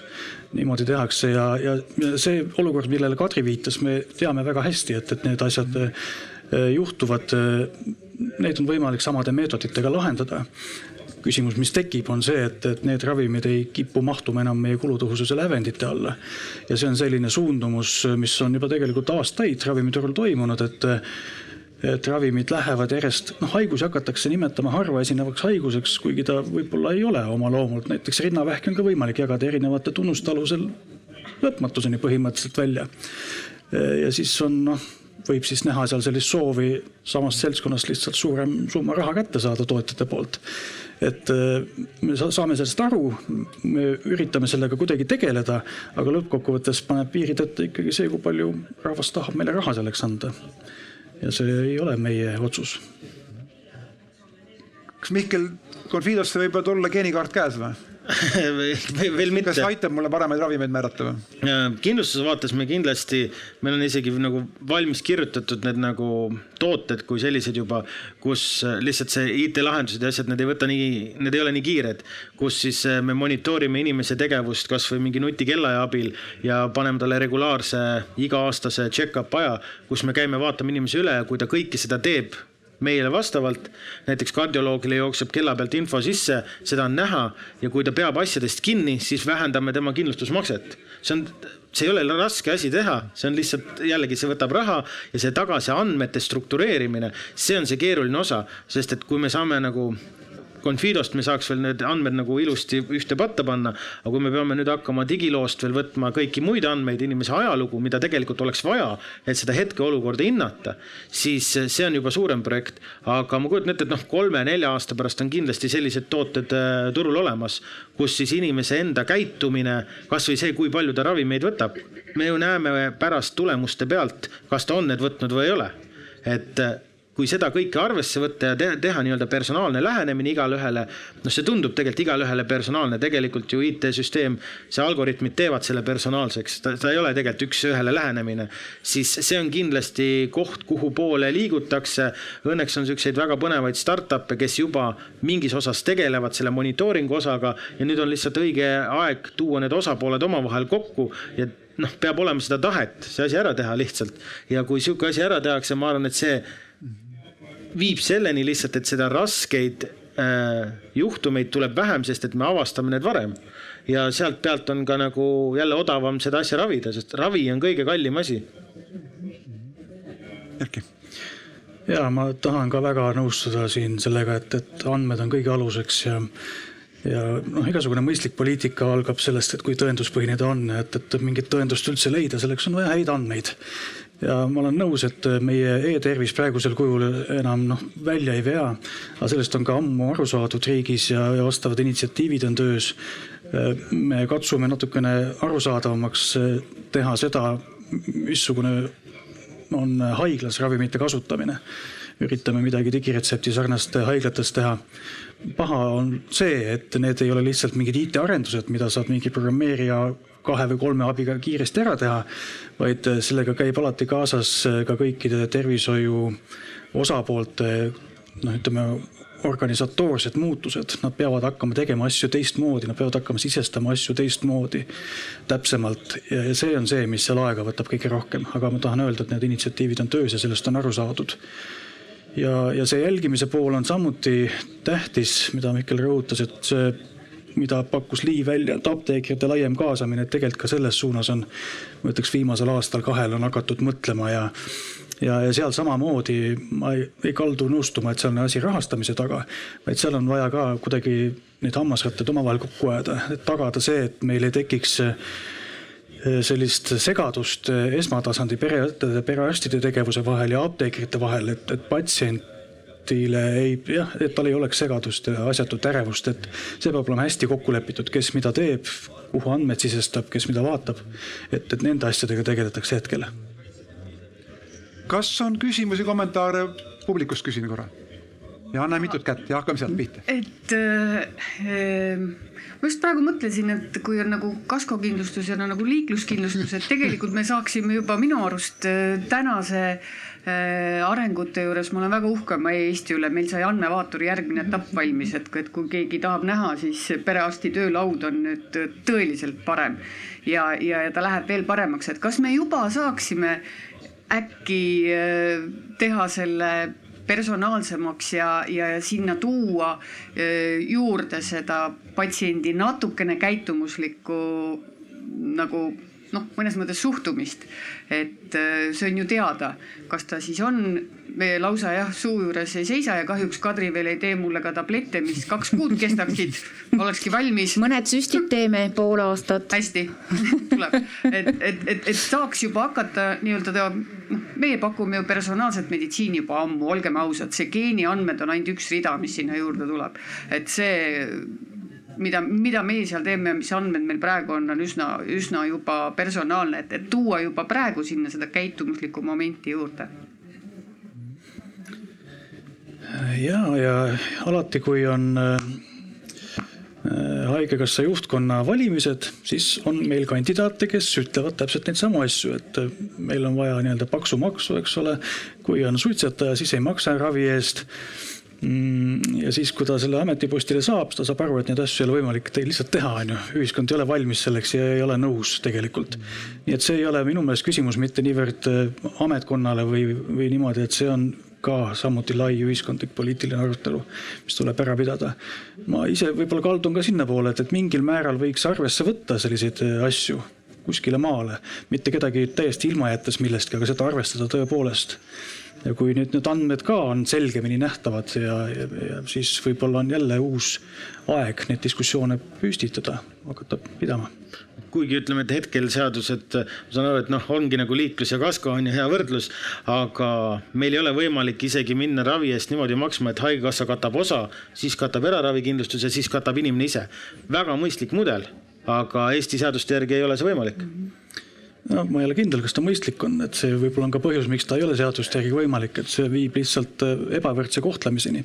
et need inimesed, kes saavad endale lubada eraravikindlustust, nendel on siis noh, hoopis teine pakett kui see, mida inimesed, kes ei saa seda endale lubada, et äh, Eesti ühiskond on hämmastavalt nagu solidaarsust ja võrdsust hindav, et see on mind üllatanud alati no siin ma nüüd ja. korraks vabandust sekkun, et, et äh, minu arust see Covidi aeg näitas seda, et noh, tegelikult nii ei ole, et need inimesed, kes endast hoolisid, äh, kellel kroonilised haigused, kes vaktsineerisid, tegelikult kogu tervishoiuressursi, selle kriitilise ressursi võtsid, noh, kas kogu, aga ütleme, suure hulga ikkagi võtsid ära ju need inimesed, kes ei vaktsineerinud, kes jooksutasid tervishoiuteenuse umbe. et kannatajaks olid siis ikkagi need, kes olid nagu see hoolivam pool. et siin me ei räägi solidaarsusest, aga kui me raha tahame inimeste käest kätte saada, siis me räägime solidaarsusest, et, võib-olla ühiskond hakkab olema varsti valmis tõesti nendeks diskussioonideks, et kui sa ise ei panusta end, endasse hoolimisse ja teistesse hoolimisse, et võib-olla siis sinu tasu on natukene kõrgem, et äh, võib-olla on aeg sellisteks diskussioonideks. nii, näen seal veel küsimust, jah tere, ma olen äh, Karl Eesti ATH Liidust ja ma siin konsulteerime nüüd, et andmete põhisus ja, ja, ja, ja võrdsus. sellega seoses ma tooksin välja sellise asja, et äh, meil on olemas Eestis siis sellised diagnoosid nagu siis ATH, mille ravimite hüvitamine lääneriikides tehtud uuringute näitel toob riigile raha seitsmekordselt tagasi vähenenud kuludega, suurenenud tuludega. Eesti kontekstis oleksid vähenenud kulud peamiselt siis haigekassal ja, ja siis kõikidele inimestele ATH ravimite hüvitamine oletatavasti maksaks haigekassale aastas kolmteist kuni seitseteist miljonit eurot aastas. aga see üleüldine ühiskondlik võit teistele riigiasutustele ja suurenenud tuludega seoses oleks keskmiselt sada miljonit eurot aastas ja siis kümne aasta perspektiivis üle miljardi euro. et ma ise olen siis ana-, analüütiku taustaga, ma olen siis Eesti Rahvastikuameti põhjal neid arvutusi teinud, aga hetkel me oleme siis olukorras, kus kus Haigekassa ei soovi hüvitada täiskasvanutele Äh, ravimeid, mille efektiivsust ja kulutõhusust on võrreldud insuliiniga esimese tüübi äh, äh, dia-, diabeedi puhul. kuigi õiguskantsler on ka kuuendal juulil välja toonud, et ravi, need ATH ravimite mittehüvitamine täiskasvanutele on põhiseaduse paragrahv kaksteist riive ja siis otsene tsitaat on inimeste põhiõiguste intensiivne riive ja kõige kummalisem selle asja juures on see, et kui neid ravimeid hüvitataks, siis äh, kümnete tuhandete inimeste elukvaliteet tõuseks, eluiga tõuseks äh, keskmiselt kaksteist aastat nende puhul ja rahaline võit Eesti majandusele oleks äh, nii märkimisväärne, et, et, et kas äkki Erkki Laidmäe soovib selgitada, et kui, kui me räägime andmepõhi, kui me räägime andmete põhisusest, et miks siis äh, selliseid ravimeid ei hüvitata, kuigi nende rahaline kasu on väga-väga kõrge aitäh, Erkki, ega sa nüüd pead vastama? vabalt võin vastata, et noh, ei vasta tõele, et Haigekassa ei soovi neid hüvitada, et see, kuidas me saame midagi hüvitada, selleks on konkreetsed reeglid. ja see algab taotlusest peale ja taotluse saab esitada arstide selts, antud juhul siis psühhiaatrite selts ja me oleme nendega koostööd seda teemat äh, kevadest saadik ajanud ja saime siis lõpuks äh, siin suvel siis vastava taotluse, see on hetkel töös. Ja minu hinnangul on ka väga mõistlik, et neid ravimeid peaks hüvitama patsientidele, nii et loodame selle kuskil jaanuariks korda saada. Noh, siin on üks jätkuküsimus veel, et kui me räägime psühhiaatrite seltsi esitatud avaldusest kaheksandal juuli Haigekassale, siis edastati üksteist juuli Ravimiametile, siis äh, seal on räägitud äh, siis äh, müügiloa KTH ravimitest, mis on hetkel apteekides saadaval, aga kahjuks on mitmed ATH ravimid millel ei ole müügiluba, näiteks äh, Elvans on, on ühe nimi ja, ja siis nende ravimite hüvitamise puhul on siis protsess, mis on erandkorras ravimite hüvitamise taotlus, äh, mis ei olene siis ravimiseadusest, aga isegi selle puhul on ka pärast õiguskantsleri avaldust antud teada, et jätkuvalt ei plaanita siis äh, hüvitada neid ravimeid täiskasvanutele, et see, see ongi see väga huvitav asi hetkel, et vot jah, ma arvan, me läheme natuke liiga spetsiifiliseks ühte konkreetse kaasust lahkama siin, aga mm, -hmm. aga, aga jah. selle teema me kompleksselt lahendame ära mm. -hmm. väga hea lahendus lubatakse, nii Kadri. ma arvan, et siin nagu siin taustal on see üks väga oluline asi, et, et ravimite puhul me hindame, kui me räägime sellest kulutõhususest, me ikkagi hindame otseseid kulusid aga mis natuke ka siin välja tulid, need nagu kaudsed kulud, et mis siis on ühiskonnale, et noh, näiteks kui ühel päeval peaks Äh, tulema Alžeimeri ravim, siis ütleme, see otseste kulu, kui sul ei ole mitte midagi, sul võrdlub nulliga sisuliselt ja siis tuleb midagi uut, aga kui need kaudsed kulud ühiskonnale, hoolduskoormused, inimese töövõime, et need on äh, palju suuremad, aga, aga noh, ma saan aru Haigekassast, et noh, seda metoodikat, kuidas sa siis kõigi puhul seda hindad, et see on keeruline, aga varem või hiljem me peame seda hakkama hindama, et ka selle noh, inglise keeles siis burden of disease, eks ole, mis ta ühiskonnale ühiskonnale on, aga, aga tänased, ütleme, need äh, kulutõhususe arvutused on ikkagi väga ka nagu jäigad äh, otseste kulude jaoks. Ja tuleb nõustuda ja, ja tegelikult õigusakt ei piira meil minu meelest selliseid asju arvesse võtmast, ta lihtsalt ütleb, et peame majanduslikest mõnudest, mõjudest aru saama. aga, aga neid arvesse me ei võta seetõttu, esiteks neid väga harva esitatakse meile, neid ei tule, meil ei olegi midagi nagu hinnata. ja teiseks, sul on õigus, et nende hinnang on suhteliselt ebatäpne, ehk et sealt tuleb siis ka mingi noh, ebakindel järeldus. et need on need murekohad, millega tegeleda seal just eriti ütleme luude liige, kunagi on kindlasti esitatud, ma mäletan, reumatoloogilistel haigustel, kui need, et noh, tõesti, et, et mi, ja, ja see on ka nagu printsiibi küsimus ju. Täna ka onkoloogias. Äh, ütleme, kui meil on, eks ole, äh, vähiravifond esitatud, et me alustame, uued ravimid tulevad sinna, kus kõik muu on ära proovitud, kogu maa, muu maailm on nagu otsa saanud, siis tulevad uued ravimid. Ja siis nad liiguvad järjest ettepoole äh, kuni siis adjuvandini välja, eks ole, kui vähk avastatakse varem. ja, ja haigekassas ju ka, eks ole, te seda vähest raha hulka, mis on, me alati piirame seda patsientide hulka, kes siis saaks ja siis see tähendab seda, et hilisemas reas saavad nad ravi. on siis liigeshaiged, kui need on välja kujunenud juba, noh, sõrmed on kõverad, on need siis, eks ole, skleroosis multiplexi haiged, kõik muu on ära proovitud, on need vähihaiged, kõik see äh, nii-öelda odavam äh, ja vanaaegsem keemiaravi on ära proovitud, siis et noh, ühtepidi see ongi see väikse rahakoti küsimus, aga teisipidi, kui nende efektiivsus efektiivsemate asjadega alustada. Varem, võib-olla me hoiame ära selle invaliidistumise, inimene käib tööl ja ka vähi puhul äh, ütleme, kui haige saab äh, kodust ravi näiteks või maakonnahaiglas seda ravi on võimalik teha äh, süsti või tabletti lausa apteegist aga on odavam teha intravenoos, et me sõidutame haiged sinna suurtesse keskustesse, et vot selliseid komponente me tegelikult ei arvesta seda mõju ühiskonnale no ma ei ole nõus, arvestame okay. küll, see sõltub jällegi sellest, et kuidas ravimitootja oma toote väärtust meile esitab.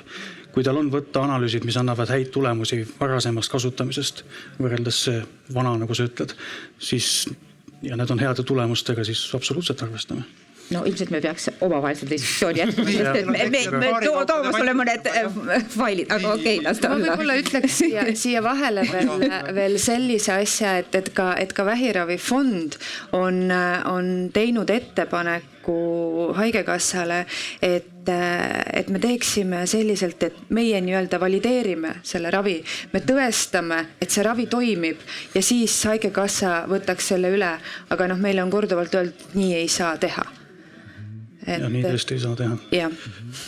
Et ravimite väärtust saab tõestada kliinilistes uuringutes, mitte seda, et me näeme ühte patsienti, kes elas kaks aastat, et me unustame selle teise, kes ei elanud ühtegi aastat, on ju ära, niimoodi ei tohi teha. nii, nägin ühte kätt seal, jah, palun. ja küsimus võrdsusest, et eh, kas edaspidi aina rohkem tuleb siis teemaks võrdsus, et kui näiteks meil ravi muutub aina individuaalsemaks, meil on kaks inimest, kes on, ütleme, suures pildis sama haigusega aga ühele näiteks geenipõhiselt me teame, et see ravim näiteks toimib äh, palju, annab eluaastat palju rohkem juurde, teisel palju vähem. aga ühele ütleme kulutõhususe, me seda rahastame, kulutõhusus on hea, teisele ei ole. et kuidas nüüd edaspidi või kas on juba praeguseid küsimusi, et kuidas sellises situatsioonis siis tegutseda? kas personaalravi suurendab või vähendab ebavõrdsust? nii, paneel, mis te arvate?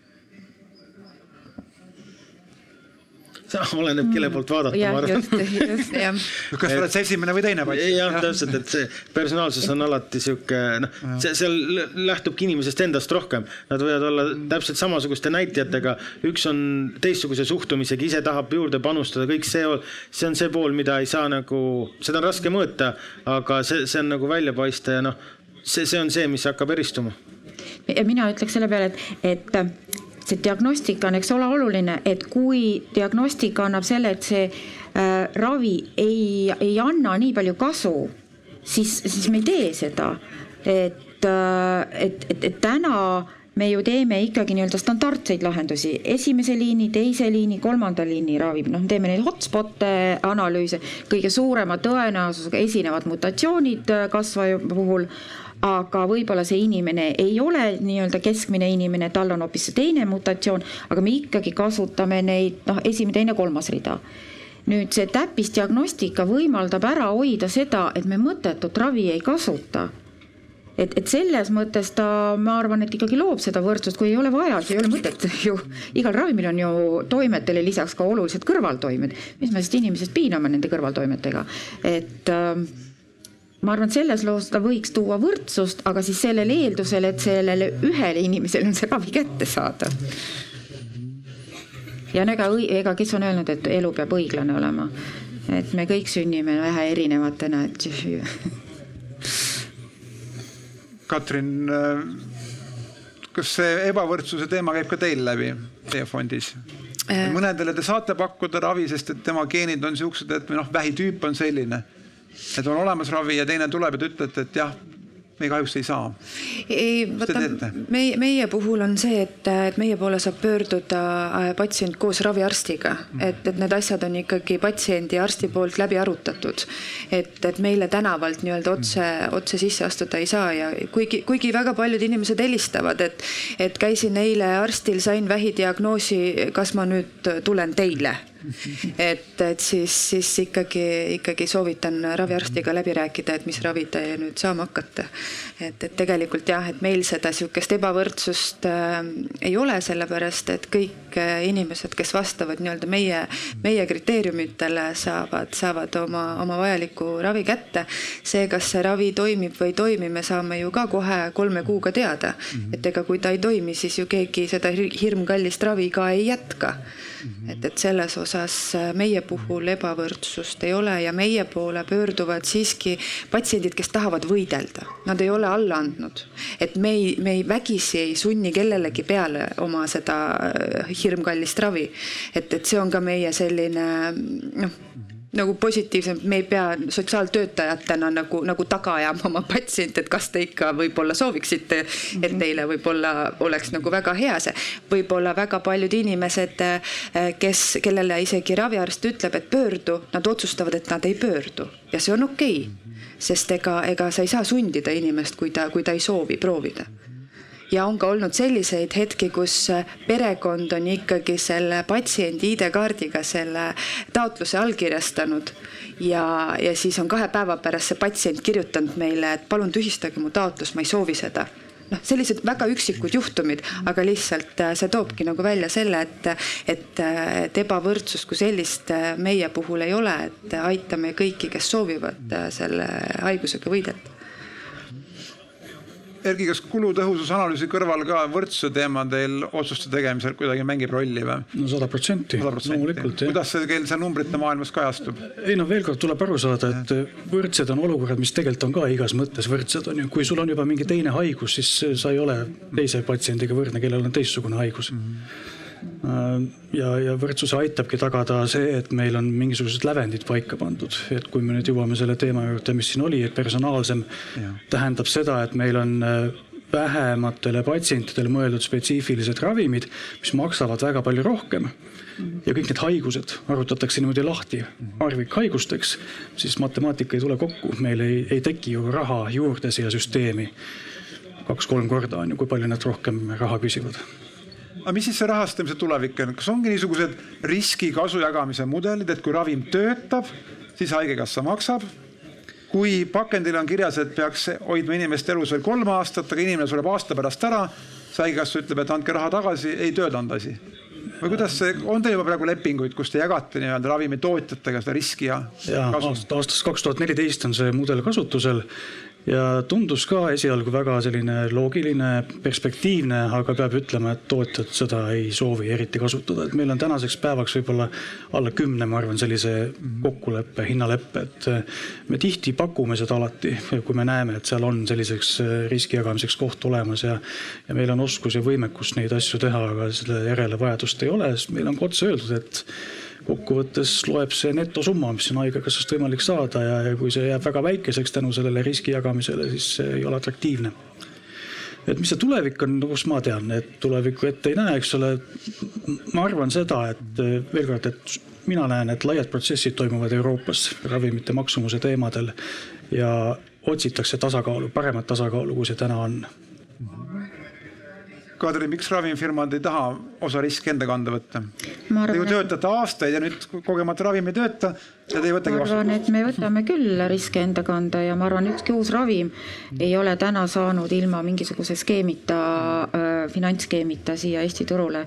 nüüd, kus meil on eriarvamused Erkiga, on siis see, et noh, et, et, et mis hetkest siis seda riski võtta, et haigekassa ootus on, et kõigepealt äh, on kõik tasuta ja siis haigekassa võtab üle selle osa, kus siis nagu mõjub. meie tahaks, et ta võtaks ka selle osa üle, mis siis juba see haige, kes hakkab edasi saama, et ta maksaks ka selle osa kinni, äh, siis need esimesed kolm kuud. et tõepoolest, kui nagu see kogu risk on ainult tootja kanda ja sul on kümme haiget, ütleme Eestis ja, ja noh, nii väikeste arvude peal võib tõesti juhtuda, et seal ei ole sul seda normaalset statistilist kõverat, et väikeriigis jääbki see risk jääb liiga ühele või teisele poole et äh, see on äh, nagu see finantsriski koht ja teine riskikoht või, või mis nagu suuremas Euroopas, kus räägitakse riski jagamisest, siis räägitakse ikkagi sellest ka meditsiinilisest või nii-öelda eksperimentaalravimitest veel. et noh, seda meil täna ei ole küll, et meie ikkagi ju rahastame ja ka tootja tuleb, kui ravim on kas siis registreeritud Eesti Ravimiametis või Euroopa Ravimiametis, aga selliseid juhte, kus meil on, ütleme, kolmandas faasis kliinilises uuringus, näitab häid tulemusi, aga aga ta ei ole veel registreeritud. et äh, selliseid riskijagamisi meil kindlasti ei ole, et võib-olla see on see valdkond ka, kui ravimil ei ole müügiluba, siis me neid riske, ka finantsriske ei, ei, ei jaga jah, müügiluba on ikkagi nagu teatud kvaliteedimärk, et võib-olla selliseid riskantsemaid asju saavadki teha riigid, kus raha on rohkem, et meil seda nii ei ole. aga ma arvan, et tulevikus kindlasti see maht suureneb, sest kus me näeme, et noh, kuidas seda siis ikkagi seda efektiivsust hinnata, see on jällegi andmed, et täna on haigla apteekritel ikkagi väga suur koormus ka selle üle, et kui nad seal Exceli tabelis peavad siis nüüd äh, seda arvet pidama, et milline haige, millil tal see ravim tulemus oli ja nii edasi. kui me saame andmeid andmed liikuma, nii ja, ja seal peab olema ju nagu Erki ka ütles, et me ei saa võrrelda õunu porgandiga, et me ikka võrdleme äh, vastavaid haigeid vastava haigusega ja siis vastavalt ka kliinilised mõõdikud on erinevad, et rinnavähi haigel on teised mõõdikud kui kopsuvähi haigel. et kuidas me siis hindame, kas see ravi mõjub või ei mõju kas stabiilne seisund on raviefekt, et seal meil tekivad Haigekassaga juba järgmised diskussioonid, et mida me üldse ütleme, et ravimi mõju kohta ja, ja rääkimata siis ka, kas me ühel hetkel ka ikkagi väärtustame seda, mida arvab patsient. kui eile Haigekassa juht rääkis, äh, Rain Laane, siin ka promsidest ja bremsidest, et ka need on ju valideeritud ja standardiseeritud äh, üle maailma patient reported outcomes et kui arst hindab seda, et kas tal seal kopsuvähk on, mis see kopsupilt teeb ja mis tal vereanalüüsid teevad, aga haige hindab seda, kas ma äh, kasutan hapnikku, kas ma saan iseseisvalt tualetti minna, et, et selliseid asju, seda see üldine elukvaliteedi mõõdik ei mõõda. nii et ma arvan, et me läheme ikkagi mm, ikkagi sellise personaalsemate lahenduste poole ja rätsepalahenduste poole ka äh, koos Haigekassaga, see on keeruline, aga ma arvan, siin on nagu valikut ei ole nii vaatan korra kuulajate poole ja näen. et eh, Kadri, ma tahtsin küsida nagu, et, et kas eh, on teil mingisuguseid eh, eesmärkide standardeid või, või et kuidas seda väärtust nagu hinnata nagu tervikuna, et, et kui te alustate äh, nagu seda ravi ja mm, -hmm. ja, ja et noh, raviteekonna lõpus, et, et, et kas meil on nagu võimalik kuskilt maailmast maha kirjutada, et, et saada neid teekondade hinnanguid on, et äh, näiteks Itaalias, kus tegeleb see AIFA, noh siis meie mõistes äh, Haigekassa, et seal ravimite puhul on väga kindlad need mõõdikud, et just konkreetse näidustuse puhul, mis on siis see kokkulepitud mõõdik, mille puhul siis, eks ole, millal maksab tootja kinni, millal maksab rahastaja kinni. ja, ja ütleme, see laiem pool, see burden of disease, kus, kuidas üldse üks ravimi hind tekib, siis seal on kindlasti kindlasti see ühiskondlik komponent äh, olemas, et on siis vaadatakse ravimi hinna kujundamisel, vaadatakse, mis selles konkreetses haigusvaldkonnas täna on turul, et mis see konkurentsiolukord teeb, siis mis on see lisandväärtus, mis see uus ravim toob ja siis mitte ainult noh, tõesti otsesed kulud, vaid siis ka need äh, kaudsemad kulud. Ja siis kolmas plokk on siis äh, ostujõud, riikide ostujõud ja sealt tuleb siis ütleme meie jaoks see komponent, et meie oleme see Euroopa mõistes see Kesk- ja Ida-Euroopa, kus siis meil on äh, teistsugused hinnad kui siis äh, kõrgemalt tasustatud lääneriikidel võetakse ka aluseks siis seda patsiendi kogemust? täna seda veel ei võeta, see on ikkagi, need on pilootprojektid ja Eestis ju ka need on täna Haigekassa poolt rahastatud, on, eks ole, soolevähk ja rinnavähk. meie teeme äh, kopsuvähki ka koos Haigekassaga ja koos siis kõikide Eesti kopsuvähi haiglatega, et tõesti vaadata siis need patient reported outcome'id, mis sealt välja tuleb. ja lisaks ütleme näiteks see kopsuvähi projekti puhul ka jällegi need andmed, et mis siis on üldse see olulised andmed koguda sinna e-tervisesse, et mis on see meaningful data, et ega meil on ju väga palju andmeprügi ja, ja nagu selgub, et meil Eestis, eks ole, on kolm raviasutust, aga mis andmeid sinna kogutakse, et raviasutuste sees on juba paras pudru ja kapsad, et et ma arvan, et see kõik on alles ees ja aga see tuleb väga kiiresti sest ega Eestis on väga palju asju ikka hästi ka, aga, aga mulle tundub, et nende standardite loomisega, et, et me oleme natukene nagu jänni jäänud, aga nüüd peaks juba vaatama nagu et, ettevaatavalt, et mis standardeid meil tegelikult vaja on, et hinnata just nimelt seda lisandväärtust Mhm.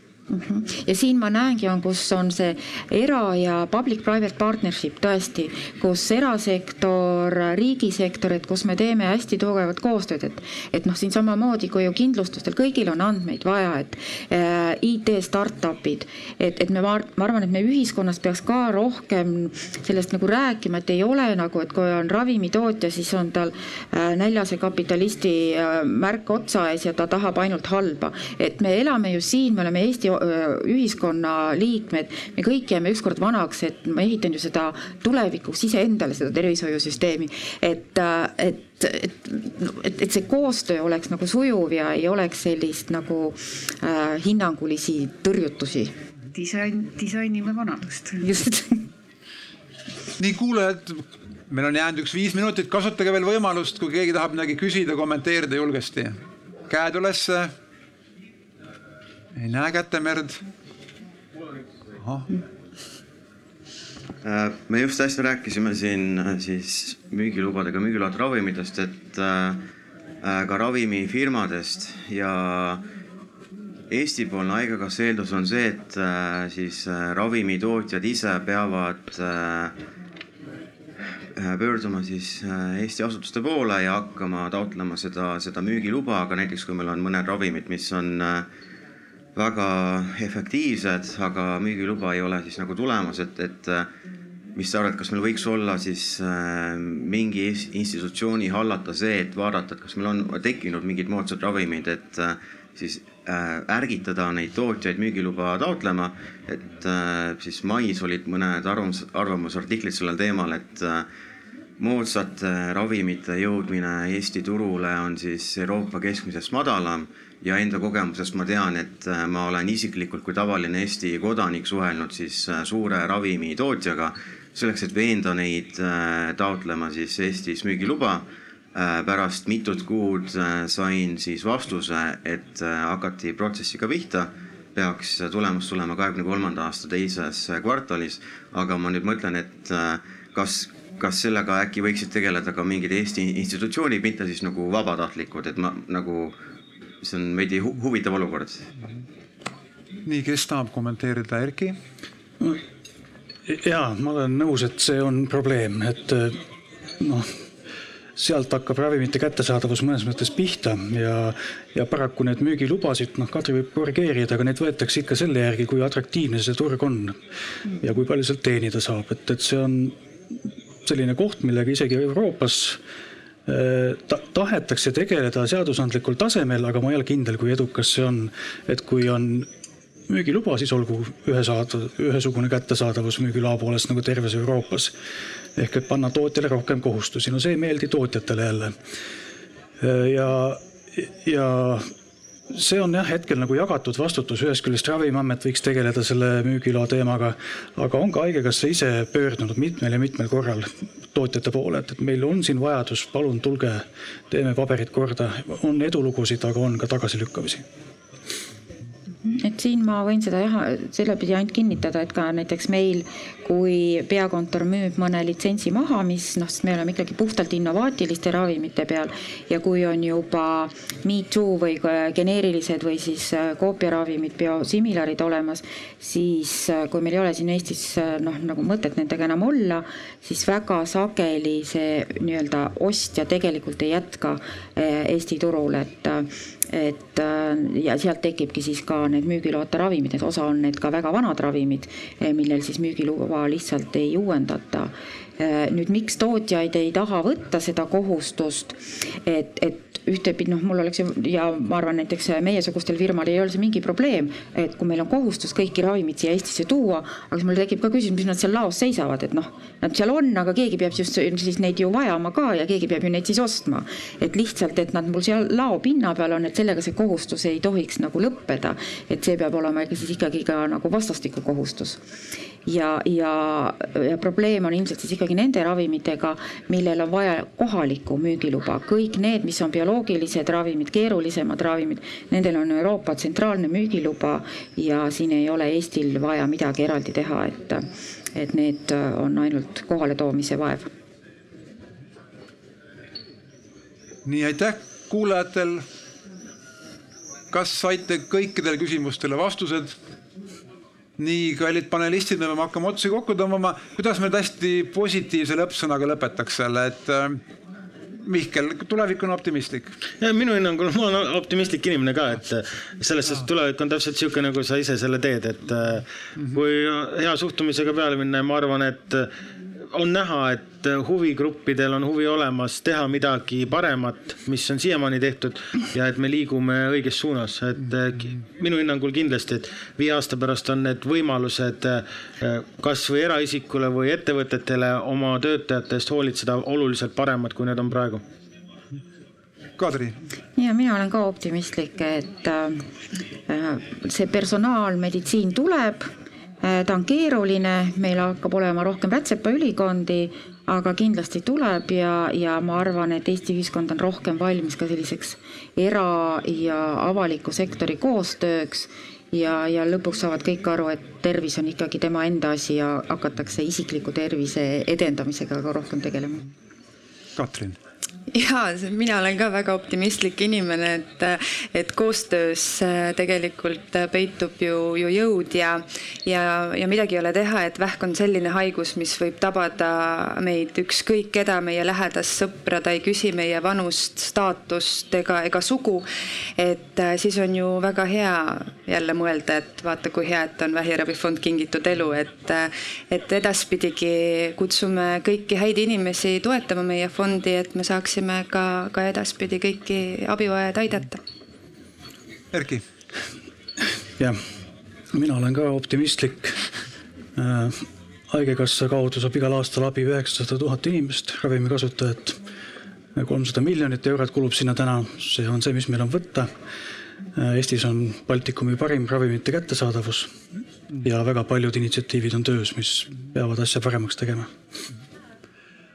kui ma tänan, ma tänan kõiki meie paneliste, ma tänan kuulajaid, neid kõiki neid, kes küsisid ja kõiki neid, kes ei küsinud ja saate pärast edasi rääkida. Äh, meil on kokkulepe korraldajatega, et seekord panelistidele meeneid ei jagata, vaid sellest tehakse annetus Ukraina lastele. aga ma arvan, ühe suure-suure aplausi võime küll teha kõigile. selge see, et ega kõike teha see me bow.